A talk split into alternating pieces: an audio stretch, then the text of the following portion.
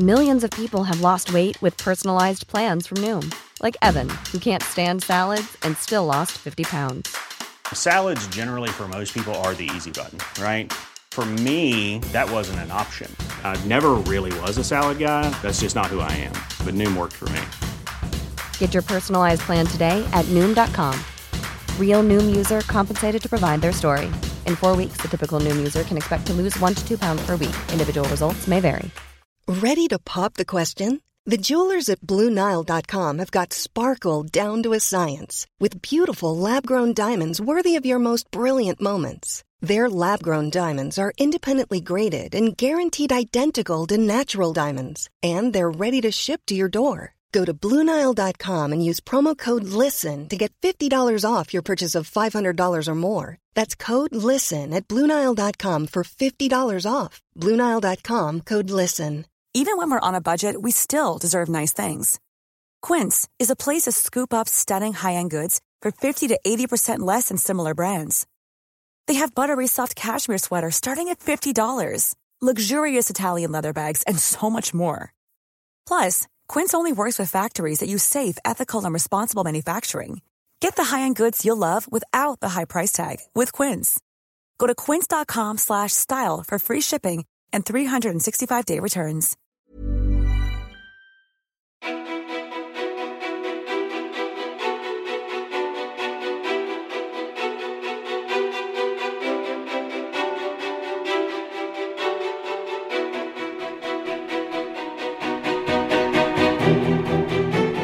Sabina Desiree jobbar heltid med Youtube och driver en kanal med 122 000 prenumeranter.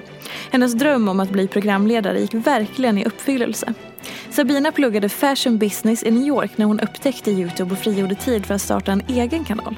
Numera är hon en stor influencer med trogna fans som dagligen lämnar stöd och kärlek i kommentarsfältet. Hon har dessutom 43 000 följare på Instagram och medverkar i SVTs tv-serie Mitt perfekta liv.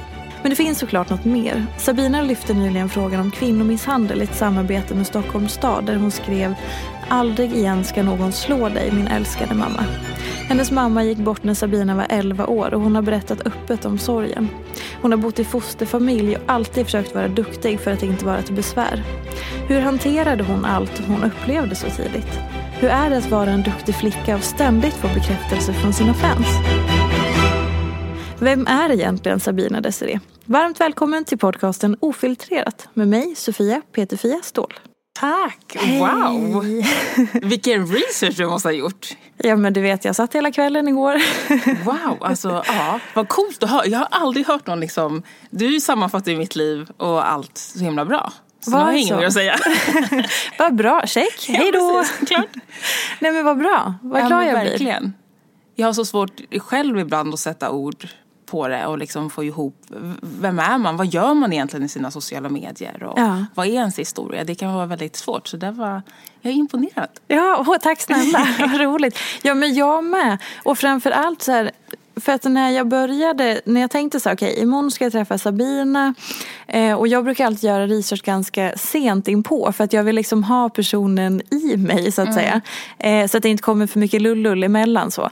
Eh, och så började jag liksom googla och titta på några av dina videos och den första jag möttes av var en på Youtube då på din kanal där du eh, pratade om liksom hudvård och sånt och dels kom in på din akne som du har mått dåligt över men också att du sa så här för det var, det var, jag tror att det var en video från i somras som jag fastnade för när du grät öppet i videon och så, började, och du, så sa du så här, jag gråter så ofta nu eh, och jag vet inte riktigt varför. Att så här, det kanske är stress och så här, som att det var någonting som hade kommit ikapp dig men att du visste inte. Och jag blev så här, det är det som är så häftigt med också Youtube, att man kommer så nära som följare och tittare för du är väldigt bjussig. Ja. Alltså du, du verkar liksom vara väldigt så här, du, du tar upp, nu blir det en lång utläggning här känner jag. Men för det var också så här, första intrycket är också så här cool tjej, så snygg stil, liksom allt det där härliga. Men sen också så här vettiga samarbeten, tar ställning för saker, pratar om viktiga ämnen och så här, det fanns så mycket så jag bara, gud, var ska vi börja? Nej, men gud, du är för snäll. nej, nej, jag är inte snäll. Det var, bara, det var ju helt ja. sant. Det var ju det som kom upp när jag sökte igår. När jag, let, när jag liksom försökte förstå mig på, vem är du i, i dina sociala medier? Ja, vad fint. Ja, men verkligen. Jag blir jätteglad för att jag har väl svårt själv att veta just vem jag är i mina sociala medier och vem jag vill vara där. Mm. Ehm, det är lite där jag är nu. Att jag, jag är ganska hård mot mig själv och sådär självkritisk. Som många av oss är och har mycket prestationsångest. Så att jag ser ju inte på mig själv i sociala medier lika fint som du gör. Utan jag brukar känna så men vad, vad håller jag på med? Jag är ens någonting vettigt. Jag är mm. ens någonting bra. Jag har ju de här människorna som väljer att följa mig och jag vill göra någonting, någonting viktigt liksom. Och jag har känt att jag inte riktigt har gjort det. För att jag kände i alla fall förra året att jag tappade bort mig själv lite i det här att man hela tiden ska ladda upp. Man ska hela tiden vara online och aktiv och det ska komma ut så mycket content hela tiden på Instagram och på Youtube. Och jag liksom tappade bort mig själv i allt det där. Mm. Jag hängde inte med. Jag, jag visste inte vem jag var, vad jag stod för längre. Ehm, men det, det jag alltid är i alla fall är ju att jag är väldigt eh, naken på något sätt inför mina följare. Alltså väldigt genuint, för det är allt jag kan. Mm. Jag kan bara vara ärlig med vad jag tänker och känner och vad jag går igenom. Men, men jag vill kunna ge liksom ytterligare någonting mer. Um, så det är väl lite där jag är nu, att jag försöker hitta vad brinner jag för? Utöver att bara vara en liksom ärlig, öppen person. Så här, vad brinner jag för och vad kan jag um, göra för positivt med mina sociala medier? För själv så har jag känt också att det är så konstigt när man jobbar med det här men att jag själv går ibland, eller går in på Instagram och sådär och får en sån klump i magen. Mm. Och så tänker jag, men gud, gud gör ja. jag det här för andra? Mm. För de en klump i magen och mina inlägg och, och vad kan jag göra för att, för att minska den risken på något vis? Mm. Det där är ju så intressant för att det är, jag tror att så här, för jag känner exakt likadant och framförallt med Instagram så har jag, det är mitt sämsta, det är min sämsta gren i mitt jobb. Jag har en sån konstig relation till det för att jag känner på ett sätt att det är så mycket press och att det är ju det här snygga bilder, perfekta flöden och färgkoordinerat och liksom man ska tänka var sjätte, nionde bild och det ska vara planering och bara så här, jag, jag kan inte. Jag, mm. jag går inte igång på den typen av forum egentligen så jag hade gärna stängt ner det. Men man är ju där. För att man känner att man, eller jag känner att jag måste. Känner du så med någonting att du måste? Ja, eh, jag känner väldigt eh, samma som du där. Att jag, jag känner att jag måste ju finnas på Instagram. Eh, det är ju på något sätt ett måste nu i, om man ska vara egenföretagare och jobba med ja, men alltså, varumärke, eller marknadsföra olika varumärken och jobba mm. tillsammans med dem eller marknadsföra sig själv och det man själv gör så är Instagram så himla viktigt. Um, att, ett viktigt sätt att nå folk, för folk hänger ju där. Alltså människor hänger ju där och det är ju ändå de människorna jag vill nå. Men när jag scrollar mitt eget flöde så tänker jag så, men vad är det jag laddar upp? Men, men det är för att man ser vad som funkar. Liksom. Någon selfie som är något assnyggt filter och man har sminkat sig och haft sig. Mm. Eh, det är det som får mest uppmärksamhet. Men eh, på Youtube, det är väl det jag älskar så mycket med Youtube. Att där så kan det vara både och och allting i samma vlogg till och med. Mm. Att det kan börja med att nu ska jag på ett event och man har fixat sig och vad kul och så gör man någon ashärlig frukost och visar något recept. Och sen så dippar man och så filmar man det också. Att man kan visa liksom alla nyanser av livet och vardagen. För att jag vill aldrig att folk ska tycka synd om mig. Jag är så himla, alltså himla, himla glad och tacksam för allt jag har. Och jag har ett väldigt, väldigt fint liv. Ehm, men vi alla bär ju på mycket, kanske sorg eller kan vara rädslan. Rädslan av att aldrig liksom bli älskad för den man faktiskt är och att känna sig ensam och ångest och allt möjligt. Ehm, så på Youtube får jag vara nyanserad i liksom videoformat. Det är mycket lättare mm. än, äh, än på Instagram. Ehm, jag vet inte vad jag skulle komma Men det, det som du nämnde, eh, att rädslan för att inte bli älskad och ångest och känna sig ensam och så. Är det sådana känslor som du bär på eh, i dig? Ja, väldigt mycket. Um, och jag tror att så mycket så bottnar det väl kanske i barndomen liksom. Att eh, min mamma älskade ju mig väldigt mycket. Och den kärleken var så himla fin och trygg att ha. Eh, och jag älskade henne minst lika mycket tillbaka. Så vi var verkligen bästa vänner. Mm. Så det var ingen brist på kärlek alls. Och så länge hon fanns i livet så saknade jag aldrig en pappa eller sådär. Men för han fanns inte med i bilden? Nej. Eh, de, eh, min mamma var svensk, eh, född i Sverige och min pappa från Kenya. Och de träffades i Sverige. Han var typ i Sverige och sålde saker på, på olika marknader, liksom. Mm. Prylar. Och så träffades de och så blev de kära och så gifte de sig. och sen kom jag till. men ganska kort efter jag föddes så skilde de sig och min pappa blev utvisad. Mm. För han var även, höll på med kriminella saker och, och sådär. Eh, ingen vidare bra man på det sättet i alla fall. Så han blev utvisad och sen så var det bara jag och min mamma kvar. Så jag har ingen, jag har aldrig haft en relation med honom och har inte riktigt en bild av vem han är förutom att han var dum mot min mamma liksom och lämnade oss. Eh, han misshandlade även henne under, eh, under deras tid tillsammans. Um, och min mamma var deprimerad själv. Och uh, mådde väldigt, väldigt dåligt större delar av sitt liv. Och var troligtvis um, bipolär.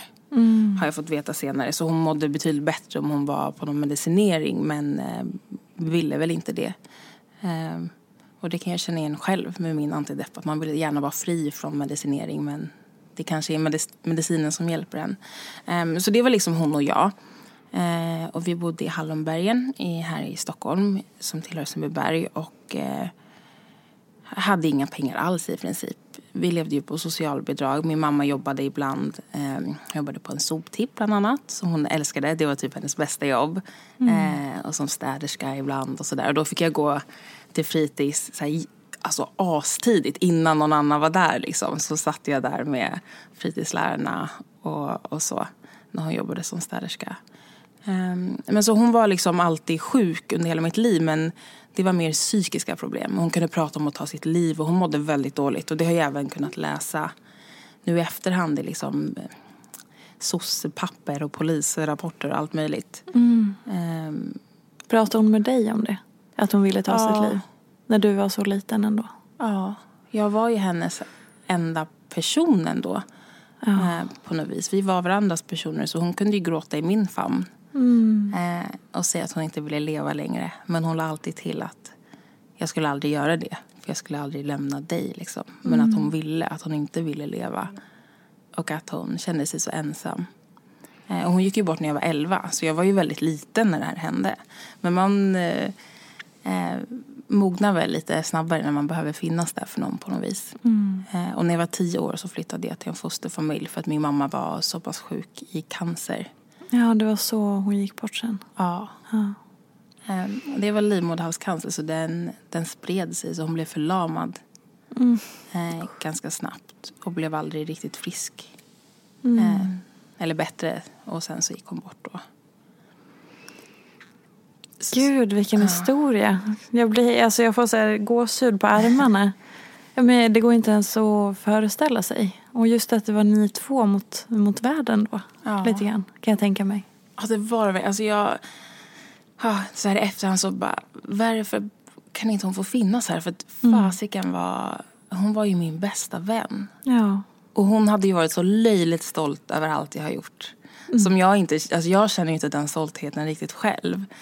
Men oh, jag kan bara se glädjen i henne. Hon var ju sådär alltså, löjligt stolt över allt jag gjorde. Alltså vad som helst. Alltså, och hon bara liksom... Ja, det är så fint att ha det när man växer upp. Och att förlora det så tidigt, också där precis innan tonåren. Att förlora den personen som verkligen helt ovillkorligt älskar en. Eh, kan ju göra att man, eller för mig blev det i alla fall så att jag då kände jag att jag måste prestera för att bli älskad. Det kände jag aldrig för min mamma. Mm. Eh, för att hon var som sagt så himla stolt över vad som helst. Alltså gick jag till skolan och fick helt okej liksom. Man fick väl inte betyg men man hade så här kvartssamtal och det. Alltså hon var ju löjligt stolt om de sa att ah, men, ja men Sabina sköter sig. Åh, oh, du är så duktig! Ja. liksom hon tyckte att ah, jag var bäst i världen och perfekt och underbar.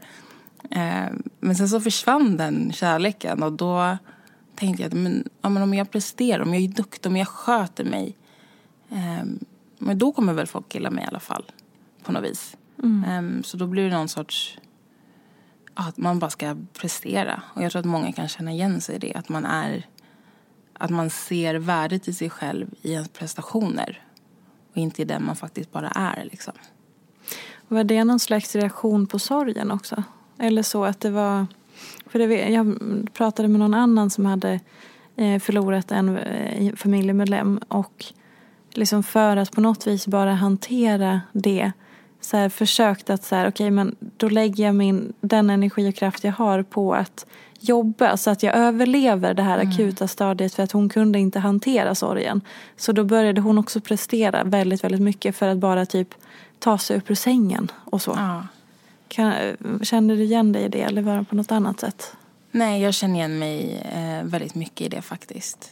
Eh, för jag hanterade inte sorgen. För jag visste inte hur. Och jag tror ingen omkring mig visste hur. Och eh, den var för tung att bära. Så man liksom tryckte undan den och bara liksom blev som någon sorts maskin. Mm. Alltså gick upp på morgonen och eh, det bästa var ju att ockupera ens liksom, hjärna, hjärnkapacitet och bara göra saker och prestera och plugga mycket. Och jag har aldrig haft lätt för att plugga. Eh, inte alls. Tycker det är jättesvårt. Eh, än idag. Jättesvårt att koncentrera mig sådär. Men jag liksom eh, fokuserade jättemycket på, på skolan och på allt jag kunde bara ge mig in i. För att slippa tänka, för att slippa känna. Mm. För det var ju när jag hade tid att tänka och känna som jag inte orkade. Då brast jag. Då, då blev jag så liten och så skör att, att jag tänkte att nu, nu går det inte längre. Nu kommer jag aldrig komma upp i sängen igen. Så det var liksom, man bara levde som en, som en robot på något vis. Mm, och så ung också. Ja. Alltså att, att behöva hantera och uppleva en sån sak när man, liksom, som du säger, precis innan tonåren. Mm. Det är så jävla hårt. Alltså det ska man inte behöva uppleva. Man är ett barn. Det är så orättvist. Ja, det är ju det. Ja, usch. Men jag, jag kan än idag känna att jag är bara så himla tacksam att just hon var min mamma. Mm. Eh, så att det är sällan... Såklart det är tråkigt att man behövde växa upp så tidigt på något vis. Men de åren innan, även om vi var fattiga och hade det tufft liksom. Att ändå ha fått uppleva en sån typ av kärlek eh, är jag så himla tacksam för. För den, eh, eh, den går inte att jämföra med, med någonting annat liksom. Och den är ju värd att leva för och dö för och liksom jag hoppas att jag kommer få uppleva någon sort, alltså den typen av kärlek igen någon dag liksom. Mm. Ja, det syns på dig när du pratar om det. Du blir liksom, du lyser, du blir ler och dina ögon blir glada. Det är väldigt ja. fint. Verkligen. Men eh, så om man då hoppar framåt lite till nutiden. Ja. Eh, så pratade du också på något av det som jag snappade upp igår. Eh, om det här med att gråta. För jag tycker det var så modigt när jag såg den här videon. Där det så du, du grät verkligen. Alltså på din Youtube-kanal. Ja. Och så här, alltså, förlåt för uttrycket men fulgråt vet vi, ja. känner väl alla igen sig ja. Och det är ju väldigt få gånger som man, i alla fall om jag pratar om mig själv, som man vågar släppa fram den här fulgråten. Mm. Och du gjorde det inför dina 122 000 eh, tittare. Och då är det så jäkla, det är så viktigt att göra en sån grej. Att så här, här står jag och gråter och fy fan, nu gör jag det här. Ja, ja, det var jätteläskigt eh, att göra det. Eh, jag hade faktiskt fått det i uppgift av min, eh, min eh, psykolog, eller psykoterapeut, mm. som då är, eh, är med i det här programmet Mitt perfekta liv som jag är en deltagare i. Där vi då gick i gruppterapi och sådär och nu går jag fortfarande hos honom. Ja, vad bra. Så han gav då mig en uppgift, att, eller oss alla en uppgift att våga vara mer sårbara. Um, och jag var i en väldigt jobbig period i livet uh, just då. Um, och uh, gjorde, liksom, spelade in mina vloggar och höll, liksom, höll tillbaks så mycket. Och fick många gånger liksom kombinera två dagar för att få ihop en vlogg som då skulle föreställa en dag. Mm. För att liksom, på eftermiddagen vid varje dag eller varje dag under en ganska lång period, så grät jag så mycket att jag, till, alltså man hulkar och man tror att det här är slutet. Liksom. Hur, när tar tårarna slut? Jag orkar inte mer. Um, och då kände jag att men, jag, jag filmar väl det här då. Mm. Um, och försöker vara liksom helt öppen med att det är här jag är just nu i livet. Men uh, det, det var väldigt det var onaturligt på något vis att, att ta fram kameran. Uh, och det var svårt för mig att ladda upp, ladda upp det på Youtube. För att jag, alltså jag har aldrig ringt en vän eller någon när jag har varit ledsen. Aldrig någonsin? Aldrig i mitt liv har jag ringt och, och när jag har varit ledsen. Um, jag har bara brutit ihop liksom på begravningar um, av uh, nära och kära. Liksom. Och min mormor, uh, när hon fanns vid livet så var hon en person som jag kunde gråta inför. Mm. Uh, men annars, alltså aldrig. Och jag, som sagt, i vissa perioder så gråter jag jättemycket varje dag. Och man vill ringa någon och man vill att någon ska hålla om en. Men det har aldrig hänt mig liksom. Hur kommer det sig då? Jag... Det är väl, och det, jag vet ju att det inte är sant, men man känner väl att jag vill vara stark. Jag vill klara mig själv. Och jag vill inte luta mig mot någon som kanske försvinner. Liksom. Um, att det har blivit någon sorts överlevnadsinstinkt mm. på något vis. Att men jag måste klara mig själv. För att om jag helt lutar mig som mot min mamma, liksom, hon, var, hon var ju min styrka. Hon lyfte upp mig hela tiden, varje dag och, och var liksom min trygghet i allt. Och så försvann det. Eh, då vågar jag liksom inte luta Nej. mig eller ligga i någon annans famn för tänk om den försvinner, det, det orkar liksom inte jag. Ehm, så det är nog det, att här, jag ska klara mig själv och jag får krama mig själv och försöka ta hand om mig själv och också att inte... Jag är så rädd att vara en börda för andra. Just för att jag har mått dåligt så länge, i så många år. Att jag tänker att då kanske man inte vill vara i mitt liv eller inte orkar om jag aldrig blir bättre liksom. Mm. Um, för det har ju gått ganska många år. Jag var ju 11 när min mamma gick bort är nu 25. Uh, hur många år är det? det är 14? Ja, jag orkar inte ens räkna men ja. och eh, då kände jag så här, men gud ingen kommer orka med mig. Här gråter jag som ett fån liksom varje dag. Och jag kan inte sätta ord på varför. Och eh, vem orkar med det liksom? Jag orkar knappt med mig själv. Jag orkar inte med de här tårarna. Jag vill att de ska försvinna. Mm. Eh, så då stänger man dörren och drar ner rullgardinerna och gråter själv. Eh, men när jag la upp det, det var, det var otroligt onaturligt för mig. Eh, eller det kändes konstigt. Och ibland ångrar jag det än idag. Att du, att du la upp det? Ja, men jag, jag tänker bara så åh, att det finns på internet. Mm. När jag är som mest liten och trasig och... Alltså i den stunden man, när man gråter så där fulgråter. Mm. Då gör det ju så ont och man är så skör att liksom vad som helst skulle bara kunna göra att man faller sönder i tusen bitar. Det är ju typ det man gör när man gråter så. Och att det finns på internet där folk kan kritisera och ja, men, liksom mm. vara taskiga eh, är lite läskigt. Och också tycker jag det är läskigt när jag, när jag träffar nya personer. Och jag tänker, ja, så ska de så gå in på min Youtube-kanal och så ser de det liksom. Mm. Eh, för det där är ju en del av mig, men det är en väldigt privat del av mig där just den här gränsen eller balansen mellan vad som är privat och personligt och vad delar man med sig av. Det där är en väldigt privat stund för ingen av, alltså mina bästa vänner har inte sett mig sådär. Mm.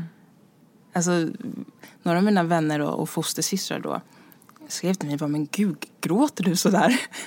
Jag bara, ja, jag gråter så här varje dag nu, liksom en vecka.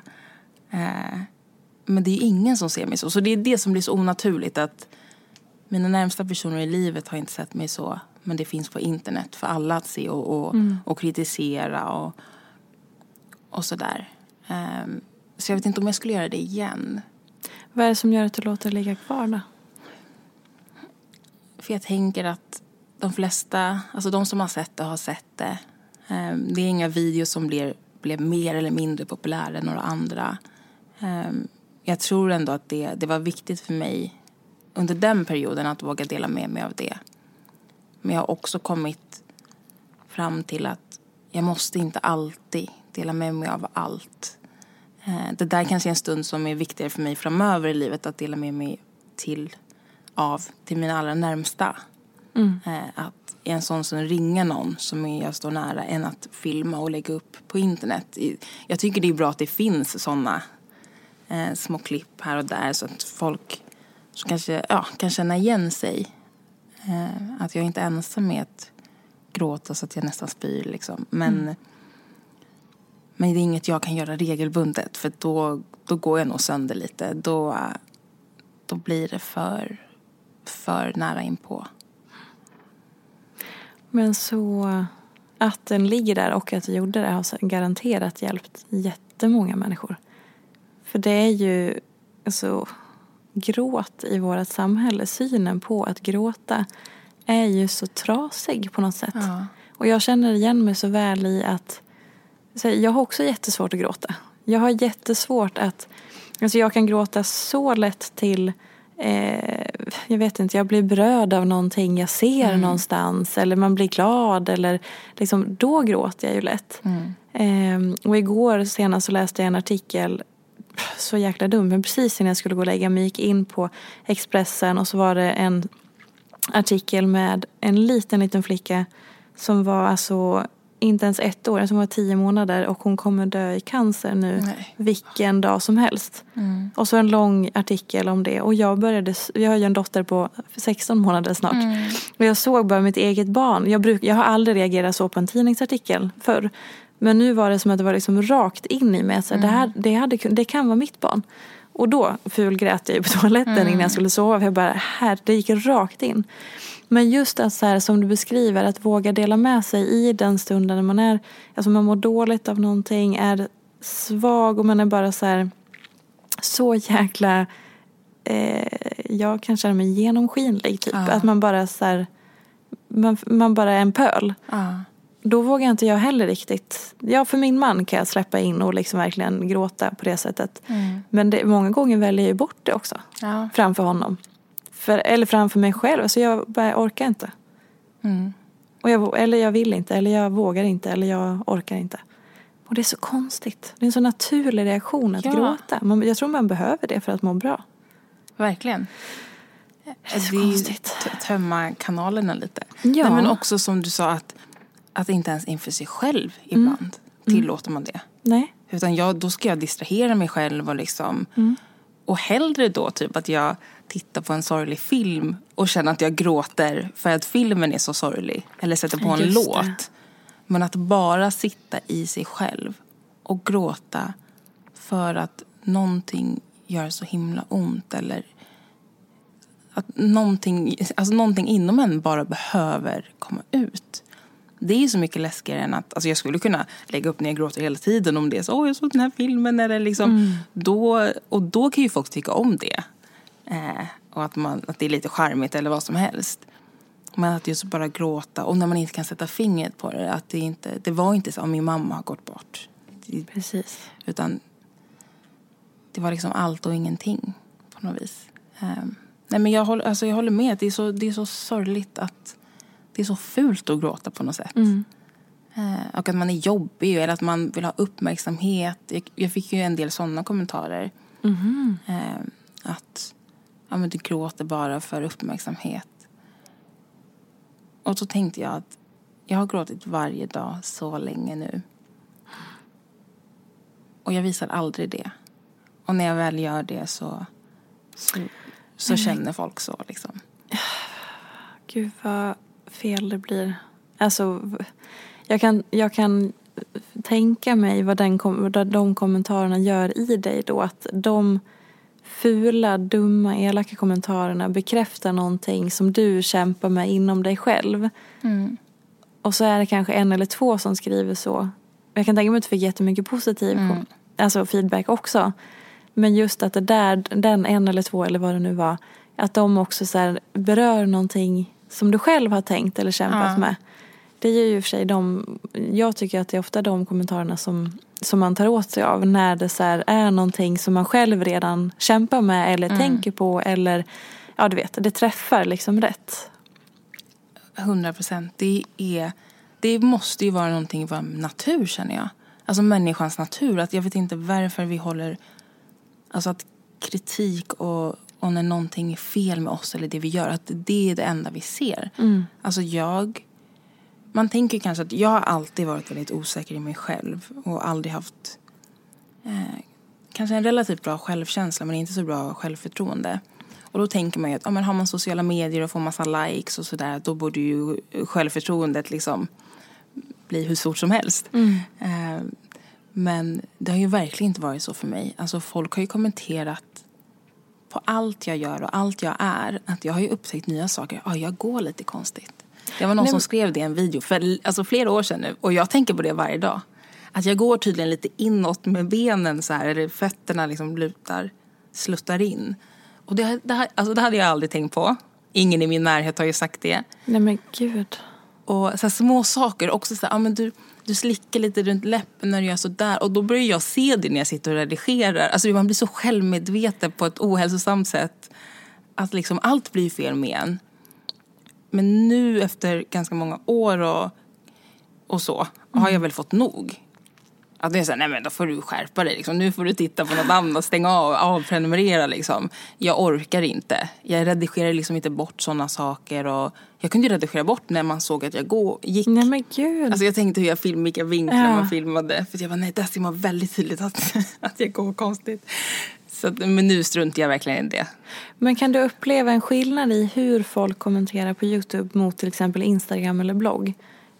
Jag tol- eller upplever, får intrycket av att, att folk som kommenterar och följer på Youtube är mycket mer liksom, i detalj för att man blir inbjuden på ett annat sätt i livet. Så att man tycker också att man har rätt att kommentera typ hur du går eller hur du eh, står eller slickar på din läpp. Alltså, Jag har också blogg, jag har bloggat i åtta år. Jag har aldrig fått någon sån kommentar på det sättet, alltså på den nivån. Men det Nej. låter ju helt bisarrt. Att, att folk sitter och tittar på det, stör sig och berättar det för dig. Ja, nej men jag, jag antar att det blir ännu närmare in på eller ännu mer här konstig detalj, alltså extrem detalj när det är videoformat. Eh, För man får med så mycket mer där än på bild och sådär. Där, där har jag aldrig fått så mycket eh, negativa kommentarer. Det är väl att någon har skrivit så här, "Men ditt leende är lite konstigt. Alltså man bara, ja men det är så jag ler. Alltså vem orkar ens kommentera på det liksom? Ehm, Men på Youtube, ja det var ett tag där det var väldigt mycket. Men det var också då min Youtube-kanal gick som allra bäst. Det var då jag fick som mest visningar och det var då jag ganska ofta kom upp på eh, den populära liksom, lilla fliken på Youtube i Sverige. Just och då får man massa visningar från folk som inte följer den. Och det var där mycket kom in. Alltså folk har ju kriti- alltså kommenterat allt. För mitt hår, "Åh, ditt hår är så fult eller liksom alltså, så, så små saker som jag aldrig har tänkt på eh, innan liksom med mig själv. Eh, och hur jag pratar och hur jag gör. Ja, men, jag vet inte. Så jag, man blev ju helt, eh, helt matt av det. Eh, men annars på Youtube tycker jag att det är väldigt... Just för att folk också kommer närmare in på så får man ju väldigt, väldigt mycket kärlek också. Eh, och det tycker jag är så fint. Det är väldigt sällan som Instagram kan bli ganska ytligt. Men vad fin du är och vad snygg du är och sådär. Och det är ju fint att folk ändå sprider något positivt. Men, men på Youtube kan det bli eh, ja, men ännu mer nära inpå. Och det tycker jag är fint. Men det är ju både en för och nackdel. För folk kan också då kommentera ganska mycket i detalj. Kanske vad jag gör fel med min hund. Till exempel i min lilla valp så har jag också fått långa kommentarer om vad jag gör fel. Och, men det folk också glömmer bort är att de ser ju ändå bara tio minuter och kanske två dygn. Eh, och hälften av det, eller så mycket av det, är liksom lite musik och lite fina klipp. Liksom. Så att även om Youtube är kanske liksom steget längre än, än Instagram till exempel så är det väldigt mycket man inte ser. Eh, och folk tar sig ändå friheten att, att kritisera istället för att fråga kanske. Ja, det är ju väldigt stor skillnad. Har du tänkt på att Na, alltså min hund heter Nala då. Mm. Eh, har du tänkt på att Nala kanske skulle behöva det här eller har du tänkt på det här? Det är istället så, nej men hur kan du göra sådär, hur kan du liksom? Och man bara, men vem har sagt att liksom jag gjorde, alltså, ja. Ja men det är väldigt intressant. Eh, för att det, som du säger, folk tar sig väldigt mycket friheter. Också för att man, man tycker på något vis att man har rätt till så mycket för att man följer någon. Jag kommer mm. ihåg att det här var ganska länge sedan men när underbara Klara, om du vet, mm. hon är mm. världens bästa eh, veteranbloggare. Eh, gud vad gammal jag känner mig nu, veteranbloggare. eh, hon är veteranbloggare. Eh, hon fick sitt första barn och så dröjde de med att berätta könet. Ah. Och folk gick i taket. Alltså det var att hon fick så mycket kritik och så mycket mm. elaka kommentarer och folk var helt tokiga. Mm. För att hon inte berättade vilket kön det var på bebisen direkt. För mm. de tyckte att de hade rätt till det. Vad håller du på med? Alltså de var helt tokiga hennes läsare. Och det säger någonting om att så här, nu har den här personen fått barn. Mm. Sitt första barn, de är inne i bebisbubblan. Hon har inga skyldigheter att berätta för er egentligen. Vilket, hon gör väl det när hon är redo. Men ja. att man ändå då tycker sig så här, du måste berätta för oss om det är en tjej eller kille, punkt. Nu. Helst när den har kommit ut. Det var ja. ramaskri, det här var ju många år sedan som sagt. Men det, ändå, det säger någonting. Det säger väldigt mycket. Jag blir ju helt, man blir ju nästan, alltså man blir ju lite rädd. Ja, men det är, sen ska man ju tillägga att det är en väldigt liten del alltså, av följare överlag som beter ja. sig så. Majoriteten är ju som vi har sagt tidigare här, kärlek och uppmuntran och, mm. eller konstruktiv kritik också som är så här, vettigt skriven och bra ja. formulerad så att, man, så att alla kan ta till sig det. Men sen finns det ju alltid några trollers. Ja, och de är ofta så högljudda. Ja. Det är det. Mm. Eh, de syns och hörs. Men, eh, men det jag märker nu när, när mina videos inte får så där jättemycket visningar som förr av folk som inte följer mig är att det blir, alltså det är nästan bara, bara, alltså fin, fina kommentarer. Eller kommentarer som är liksom, vad säger man? Som, som är vettiga. Mm. alltså så. Mm. Eh, och folk har väldigt mycket och det, det är det jag tycker är så fint, att ju mer jag delar med mig av de här sårbara stunderna har jag märkt desto mer respekt eh, och förståelse får jag av mina följare. Att innan kunde det vara lite mer så, ah, men du har inte uppdaterat på en vecka, vad är, alltså, vad är ditt problem liksom? Mm. Och nu är det så här, ingen fara, vi förstår liksom. Eh, och det tycker jag är intressant på något vis. Att ju, ju, mer jag bjuder in desto mer accepterar de också att jag under vissa perioder inte orkar det eller kan det. Mm. Um, så som sagt, de, de allra flesta är väldigt förstående men men ibland så... Jag tror att just det här med sociala medier, det är så nytt för oss alla. Jag kan ju också ibland känna att vissa som jag följer, när de inte uppdaterar för länge, då blir det så här, men, men hallå, hur går det med liksom med hunden eller hur går det med... Alltså så att man vill veta, man är ju nyfiken och så. Mm. Men jag får ju aldrig för mig att jag har någon sorts rättighet att veta. Jag skulle Nej. aldrig liksom kräva men... Eh, When you're ready to pop the question, the last thing you want to do is second guess the ring. At Bluenile.com you can design a one-of-a-kind ring with the ease and convenience of shopping online. Choose your diamond and setting. When you find the one, you'll get it delivered right to your door. Go to Bluenile.com and use promo code LISTEN to get $50 off your purchase of $500 or more. That's code LISTEN at Bluenile.com for $50 off your purchase. Bluenile.com code LISTEN. Hey, I'm Ryan Reynolds. At Mint Mobile, we like to do the opposite of what Big Wireless does. They charge you a lot, we charge you a little. So naturally, when they announced they'd be raising their prices due to inflation, we decided to deflate our prices due to not hating you. That's right. We're cutting the price of Mint Unlimited from $30 a month to just $15 a month. Give it a try at mintmobile.com slash switch. $45 upfront for three months plus taxes and fees. Promo for new customers for limited time. Unlimited more than 40 gigabytes per month. Slows. Full terms at mintmobile.com. Since 2013, Bombas has donated over 100 million socks, underwear, and T-shirts to those facing homelessness. If we counted those on air, this ad would last over 1,157 days. But if we counted the time it takes to make a donation possible, it would take just a few clicks. Because every time you make a purchase, Bombas donates an item to someone who needs it. Go to bombas.com slash ACAST and use code ACAST for 20% off your first purchase. That's bombas.com slash ACAST, code ACAST. Burrow is a furniture company known for timeless design and thoughtful construction and free shipping, and that extends to their outdoor collection. Their outdoor furniture is built to withstand the elements, featuring rust-proof stainless steel hardware, weather-ready teak, and quick-dry foam cushions. For Memorial Day, get 15% off your Burrow purchase at burrow.com slash ACAST and up to 25% off outdoor. That's up to 25% off outdoor furniture at burrow.com slash ACAST. Men vad är det mest, eh, så här, mest eh, privata eller sårbara eller så här, det, det mest eh, intima? Välj vilket ord du vill, men vad är det mest, eh, mest av dig, mest känsliga eller så, som du har delat, av dig, delat med dig av till dina följare? Gud, vilken, vilken bra fråga. jag... Jag vet inte. Faktiskt.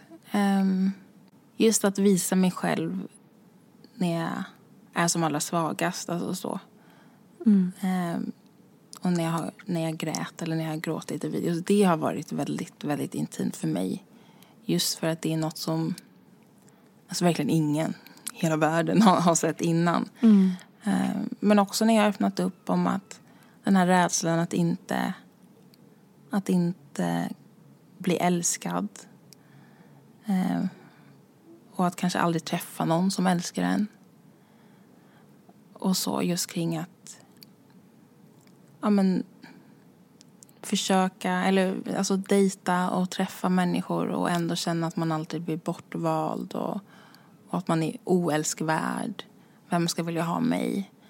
Ehm, det är väldigt läskigt för mig att dela med mig av det just för att jag vill ju alltid framstå som en liksom stark, ung, självsäker tjej liksom så. Och, och, till stor del så är jag det. Men det finns också den här, den här, alltså bakom den fasaden så finns det också en person, en människa som bara är rädd ibland att, att vara ensam.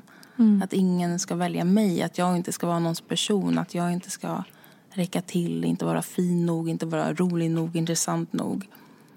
Um, och att säga det då öppet på internet där alla kan se och där jag har märkt att det är många som kan känna igen sig men inte jätte, jättemånga. Alltså, och det gör mig glad.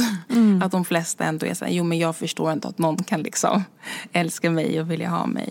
Um, att det är inget, inget som har lika stor igenkänningsfaktor som andra saker jag har tagit upp. Just det. Um, tycker jag är läskigt. För det gör ju mig än en gång väldigt sårbar. Um, och skalar av liksom alla de här skyddsgrejerna jag har uppe. Ehm, så det, det tycker jag är läskigt än idag faktiskt. Mm. Att, att det finns där ute på något vis. För att när jag går ut i vardagen och, och så, så försöker jag ändå vara så här, men jag vet att jag är värd liksom.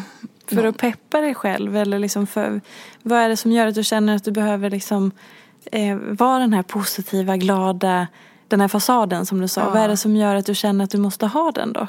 Att du inte bara kan få vara som du är just den dagen. Om du känner att du har en dålig dag. Det är väl för att jag känner att, eh, att samhället vi lever i, liksom, samtiden och internet och, och media och så, om jag är, alltså, den lilla sfären jag rör mig i, att det måste jag vara det. Mm. För det är sådär jätte, bara rå och, och avskalad så kommer folk bara klampa rakt över mig. Liksom. Och sen är det väl också så att en, en del av mig, det finns ju liksom två sidor på något vis. En del av mig är ju såhär, men you go girl, liksom. du är fantastisk. Eh, men sen så finns det då den här andra sidan som är väldigt skör. Eh, och den vågar inte jag vara på så många ställen för jag, jag tycker att då blir man lätt alltså klampad på. Klampad. Mm. Stampad. Trampad.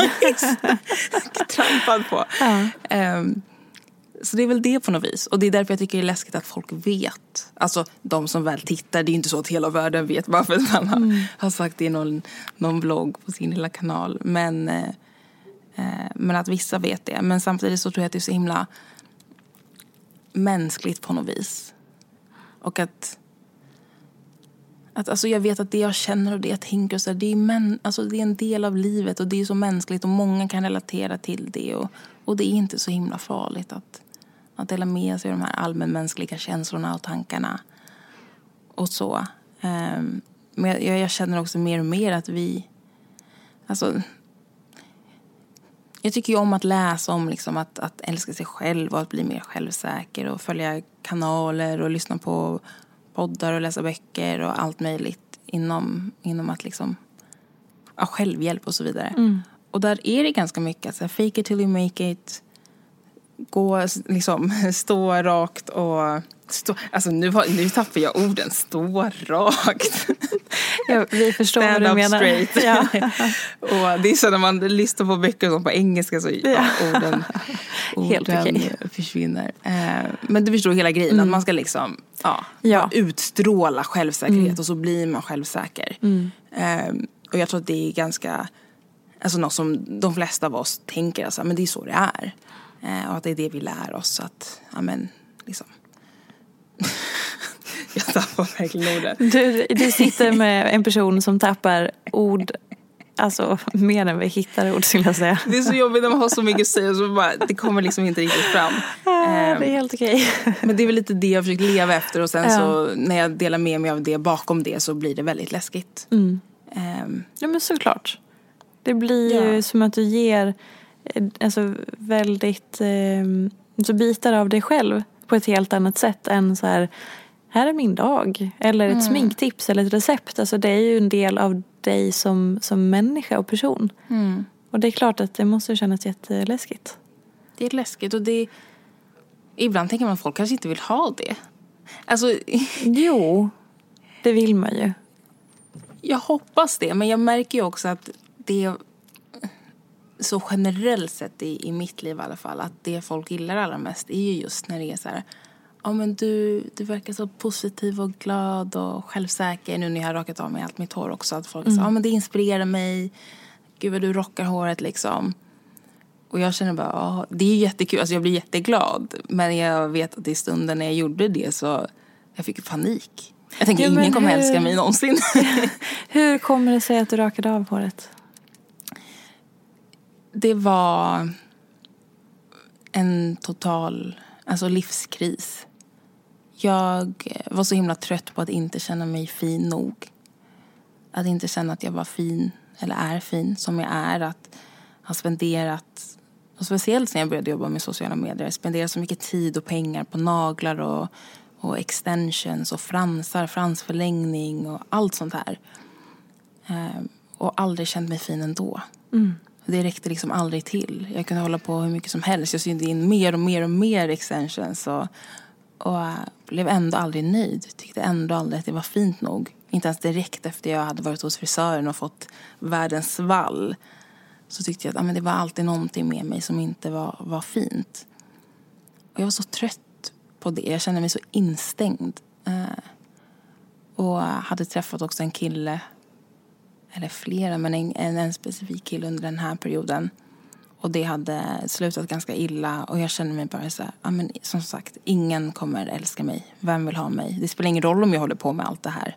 Fixa håret och håller på sminka mig och fixa naglar. Utan han vill ändå inte ha mig. Ingen kommer ändå vilja ha mig. Så då satt jag där en kväll och började klippa av mina extensions. För jag bara fick panik. Jag ville bara riva av mig allt. Um, så jag började klippa av dem och sen dagen efter så bara klippte jag av mig allt hår. Och sen så beställde jag mig en, en rakapparat. Mm. Och rakade av allt hår. Och sen tänkte jag, herregud. Jag fick panik. Alltså jag, jag kan inte gå ut. Jag var, alltså, det är ju jättemånga som kan bära upp eh, så, att inte ha några alls. Eh. Eh, ursäkta, försöker du säga nu att du inte kan det? Nej men när jag såg mig själv i spegeln, för jag... Du är skitsnygg i det här. Jag vill bara tillägga det för de som inte ser dig nu, men det var det första jag sa när jag såg dig. Det är så fantastiskt coolt. Och jag kände inte det jag, när jag det, satt där. Det köper jag helt. Det måste vara en jävla chock. Just för att jag har aldrig känt att jag är fin som jag är. Så att jag har tänkt att ja, men adderar jag massa extensions och fransförlängning och naglar då kanske mitt paket, paketet som är jag blir fint. Mm. Um, så därför var det så läskigt att jag tänkte att ja, men om någonting med mig är fint så är det väl mina extensions. Uh, eller om någonting med mig är fint är det väl mina fransar liksom. Eh, och många gånger har jag också fått kommentarer när jag hade så mycket extensions eller weave som man säger när man har afrohår. Då, då flätar man ju sitt naturliga hår och så syr man in. Och så har jag haft lite av mitt egna hår ute. Um, men då har jag fått många kommentarer. Alltså, gud vad fint hår du har. Och jag har alltid sagt tack. Mm. och sen också berättat att liksom jag har sytt in massa hår och sådär. Eh, men det var ofta det som folk tyckte var fint med mig. Så när jag bara tog, alltså, tog bort allt det och sen rakade av allt hår och det fanns ingenting kvar. Jag såg mig själv i spegeln. Då blev jag så men vem är jag nu? Vem är jag utan det här håret? Och då hade jag heller inga, inga naglar och inga, jag hade tagit bort mina fransar. Eh, och kände inte igen mig själv. Och kände mig så... Så, så platt, så... Som ingenting, så genomskinlig liksom. Just för att de bilderna, det vi ser som vackert idag, det är ju...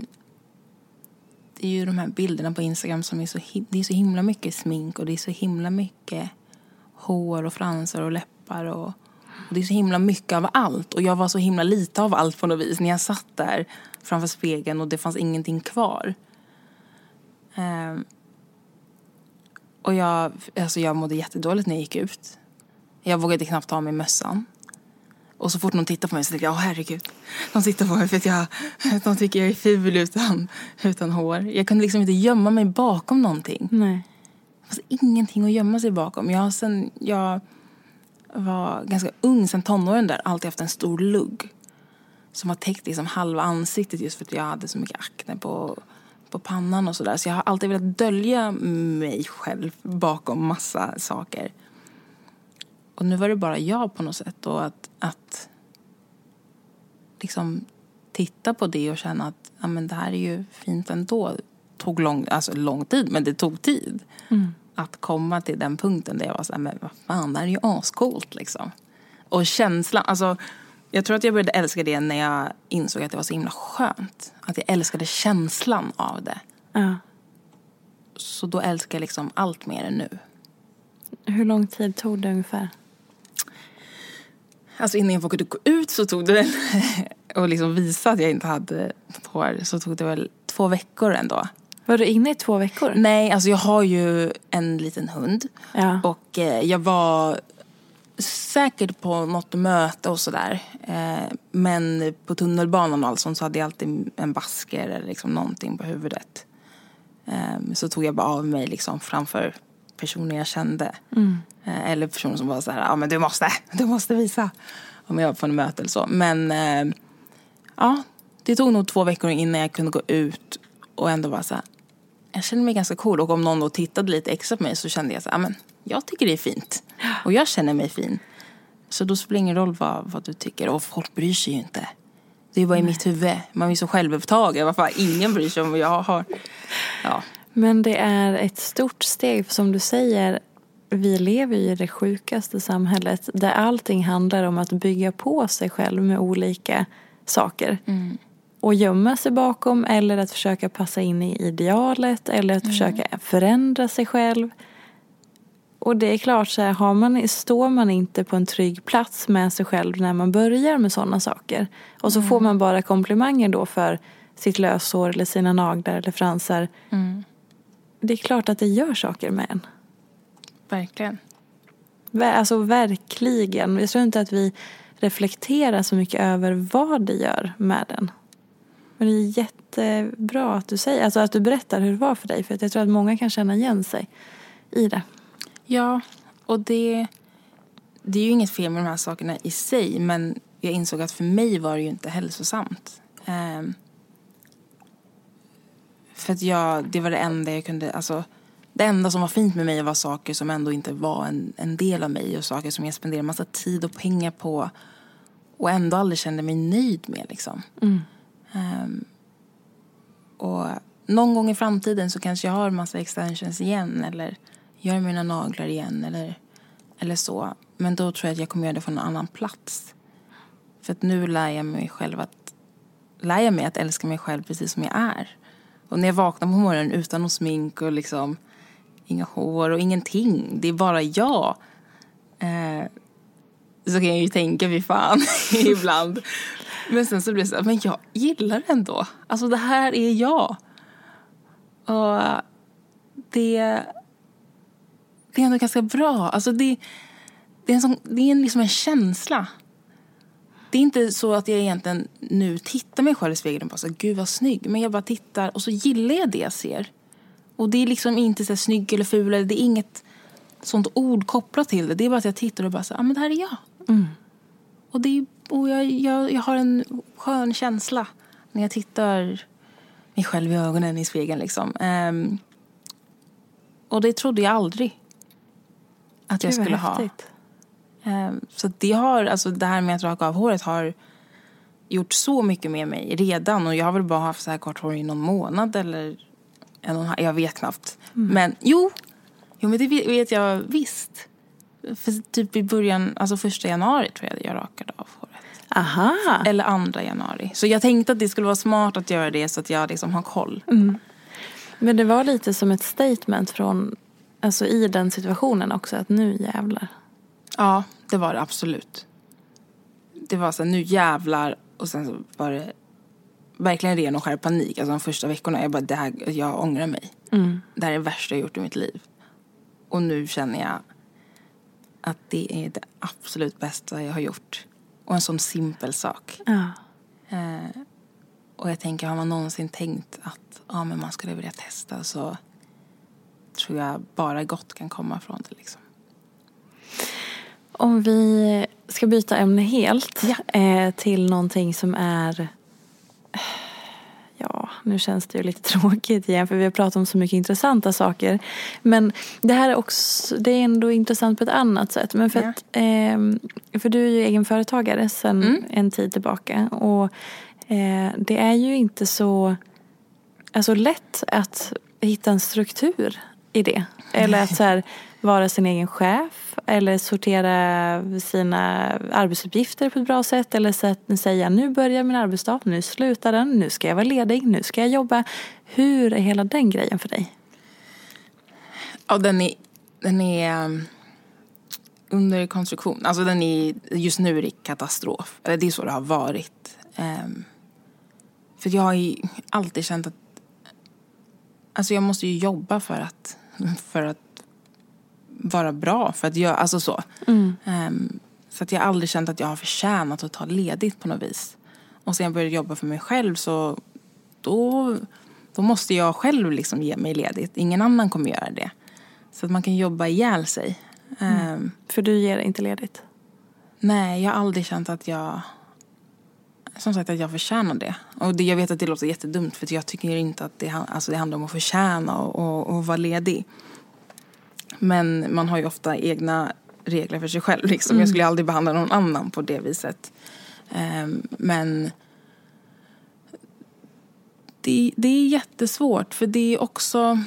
Jag försöker att inte jämföra mig själv med andra men just det här med sociala medier det är ju... Alltså man följer ju själv andra och man ser hur andra uppdaterar och det finns ju folk som gör fem videos i veckan på Youtube eller varje dag och Instagram varje dag och Instagram stories varje dag och de bloggar och de har ett eget företag och det blir så lätt att man jämför sig själv. Så att när jag liksom går in på de här på Instagram eller på Youtube så pulsen ökar ju. Jag känner bara, men gud, jag förtjänar ju inte att ta ledigt för att kolla alla de här andra personerna som producerar så mycket. Och så ska jag sitta här och vara ledig. så Gud, det har svårt att, att komma, komma till en plats där jag liksom känner att ja, men jag, det handlar inte om att förtjäna att ha ledigt utan det handlar om att hitta en balans och om att må bra och om att ta hand om sig själv. Och jag vet inte hur jag ska kunna göra något gott för mig själv eller för någon annan om jag totalt bara bränner ut mig själv. Ehm, och det hände ju lite så för mig nu i slutet av 2018. Ehm, på något vis så... Ja, alltså det hade varit väldigt mycket hela året. Jag hade dejtat en hel del. Ehm, jag vet inte varför det blev så, men, men jag, jag ville väl träffa någon. Liksom. Ehm, så det hade varit mycket med det. Och jag är en väldigt känsloperson, så det är ganska... Det tar upp mycket tid och energi när man ska träffa människor. Ehm, och sen hade jag jobbat med den här SVT-serien och sen jobbade jag med Coke TV. Jag var programledare och jag hade adopterat min hund från Cypern och sen köpt min första lägenhet. Så det var väldigt mycket i början på 2018. Och i augusti, någon månad... Nej. Jo, i augusti när jag precis hade flyttat. Um, någon månad in någon månad in på augusti. någon månad efter jag hade flyttat, ja. den första augusti. Så, så kom jag typ inte upp ur sängen en dag. Liksom. Jag orkade inte. Nej. Jag hade flyttat och gjort flyttvloggar och renoverat och inrett och köpt grejer för så mycket pengar. Liksom. För jag tänkte att ja, men jag måste göra som alla andra. Man flyttar och gör massa flyttvloggar och sen så ska man göra inredningsvloggar och man ska göra en total makeover och det är liksom så det går till. Det är så folk gör. Mm. Vilket såklart är helt orimligt. Vem har råd efter man har köpt en lägenhet? Eh, men jag fick för mig det. Att jag skulle göra det. Så att jag hade beställt så mycket grejer och ett helt kök som jag sen fick returnera för jag hade inte råd egentligen. Och liksom gått all in och gjort så mycket videos. Och sen en dag så kom jag inte upp.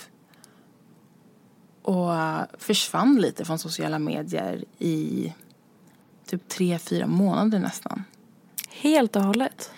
Inte helt och hållet. Ehm, jag jobbade fortfarande med Coke TV där jag då var programledare. Så det var inspelningar kanske varannan vecka. Mm. Ehm, men dit kom jag ju liksom och så var jag programledare och så var det folk som fixade allt annat med ljud och ljus och film och så. Ehm, och sen så hade jag några samarbeten på Instagram och försökte få upp liksom någon bild ibland. Men annars så låg jag liksom i soffan och bara Alltså orkade knappt liksom ta hand om min hund. Eh, orkade knappt städa. Diskberget växte. Och alltså orkade ibland inte duscha på flera dagar. Det var verkligen, jag var helt slut. Mm. Jag orkade inte. Jag orkade ingenting och jag kände... Vad är liksom... Hur hamnade jag här igen? För jag har jag har haft en sån period tidigare när jag pluggade i New York. Att jag så körde slut mig själv totalt.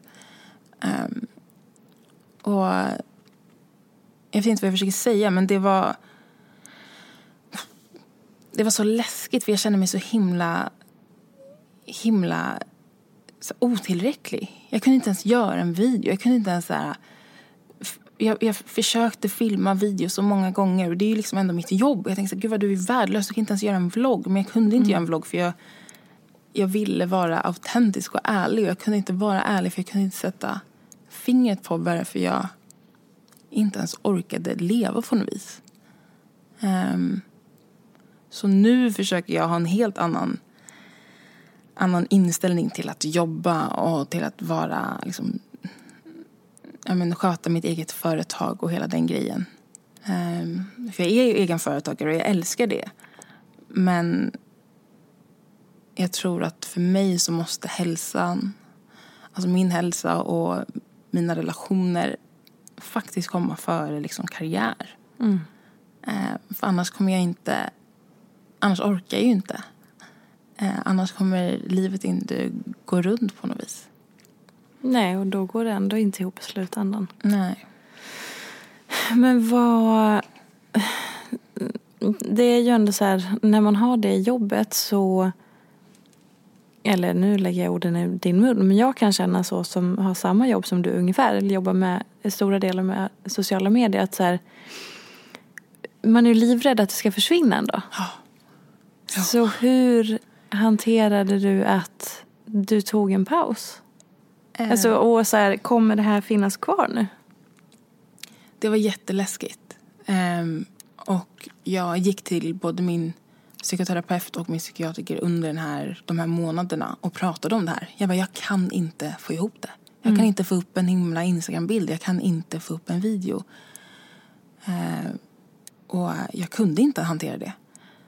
För att även om jag inte var så aktiv alls i mina sociala medier under de här månaderna så, så vilade jag ju inte. Nej. Jag tog upp kameran var och varannan dag och filmade och det blev inte bra nog. Mm -hmm. Jag tog bilder till Instagram eh, och det blev inte bra. Eh, och jag var så himla rädd att jag kommer, ju, jag kommer inte vara relevant längre. Jag, folk kommer glömma bort mig liksom. Så när det hände och du kände att det enda jag behöver nu är akut vila för att ta hand om mig själv. Så gjorde du inte det ändå? Nej, eh, det gjorde jag inte. Alltså vissa dagar kunde jag inte eh, alls komma upp liksom. Utan det var promenader med min, min hund och eh, mat och sen var det det. Eh, men andra dagar så kunde jag ju gå upp, sminka mig, börja en vlogg och sen klockan ett så kraschade jag liksom. Mm. Så jag så, ah, men jag försöker imorgon igen. Ja, men så går jag upp och så filmar jag ett intro och sen så bara, jag orkar inte. Så det var inte så att du tog en aktiv paus och bara, Nej. nu ger jag mig själv en månad och inte göra någonting? Nej, jag trodde hela, hela tiden att imorgon så kommer jag kunna spela in en hel video. Och i övermorgon så kommer den komma upp på min kanal. Eh, så jag, ja, det, var, det var absolut inte ett aktivt val. Vilket är dumt nu, känns dumt nu i efterhand för då hade det varit vila och återhämtning på riktigt. Eh, utan jag återhämtade mig ju aldrig.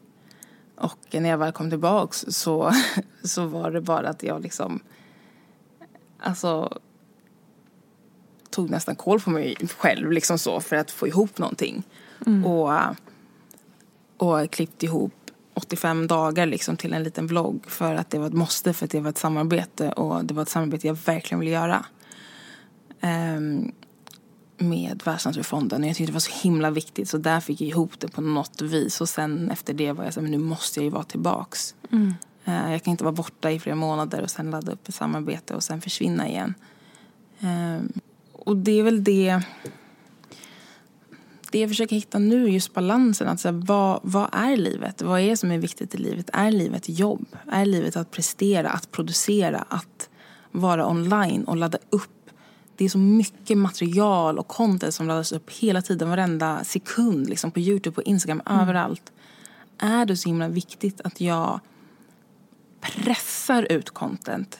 Eller är det viktigare att jag tar hand om mig själv, mår bra, funderar på vad brinner jag för och skapar content ut efter det och hinner andas emellan liksom.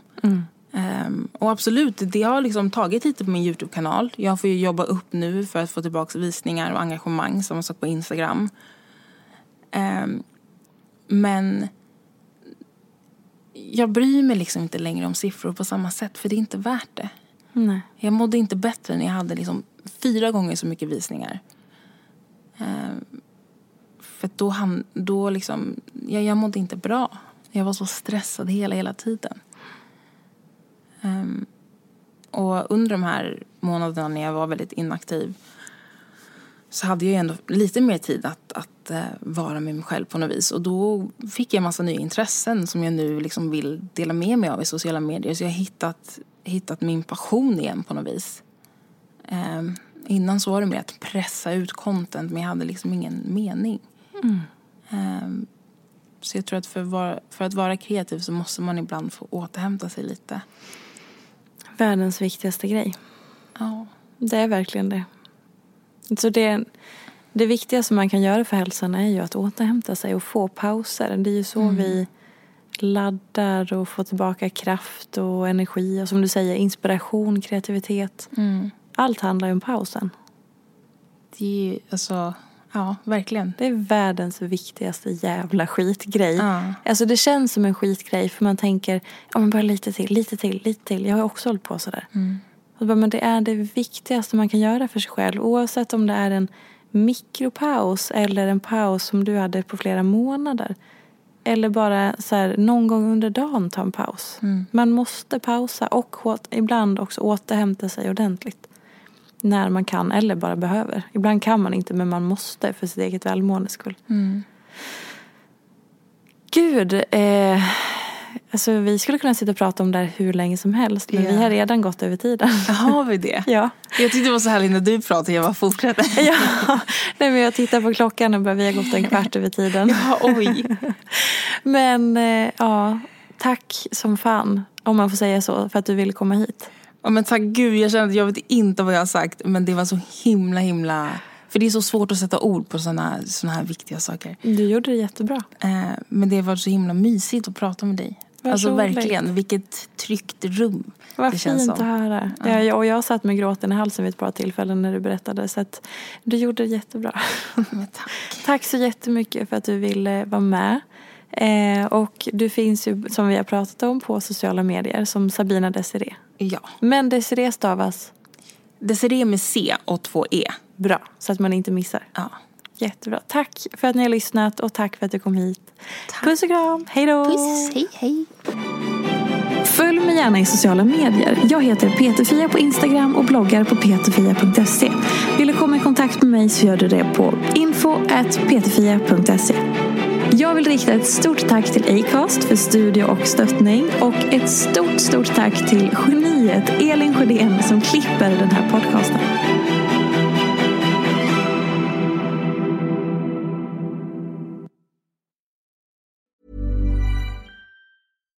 Here's a cool fact a crocodile can't stick out its tongue.